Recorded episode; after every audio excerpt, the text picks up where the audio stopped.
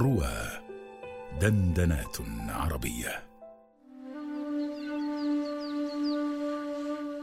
ساعة إجابة مع أروى عثمان على رواه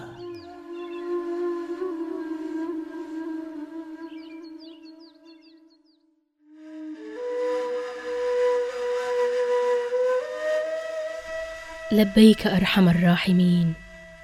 لبيك مالك يوم الدين. لا لبيك إلا إليك يا رب العالمين. ها نحن أقبلنا إليك. ومن أقبل إليك؟ تلقيته من بعيد. ومن أعرض عنك؟ ناديته من قريب. ومن ترك لأجلك؟ أعطيته فوق المزيد. ومن أراد رضاك؟ أعطيته ما يريد.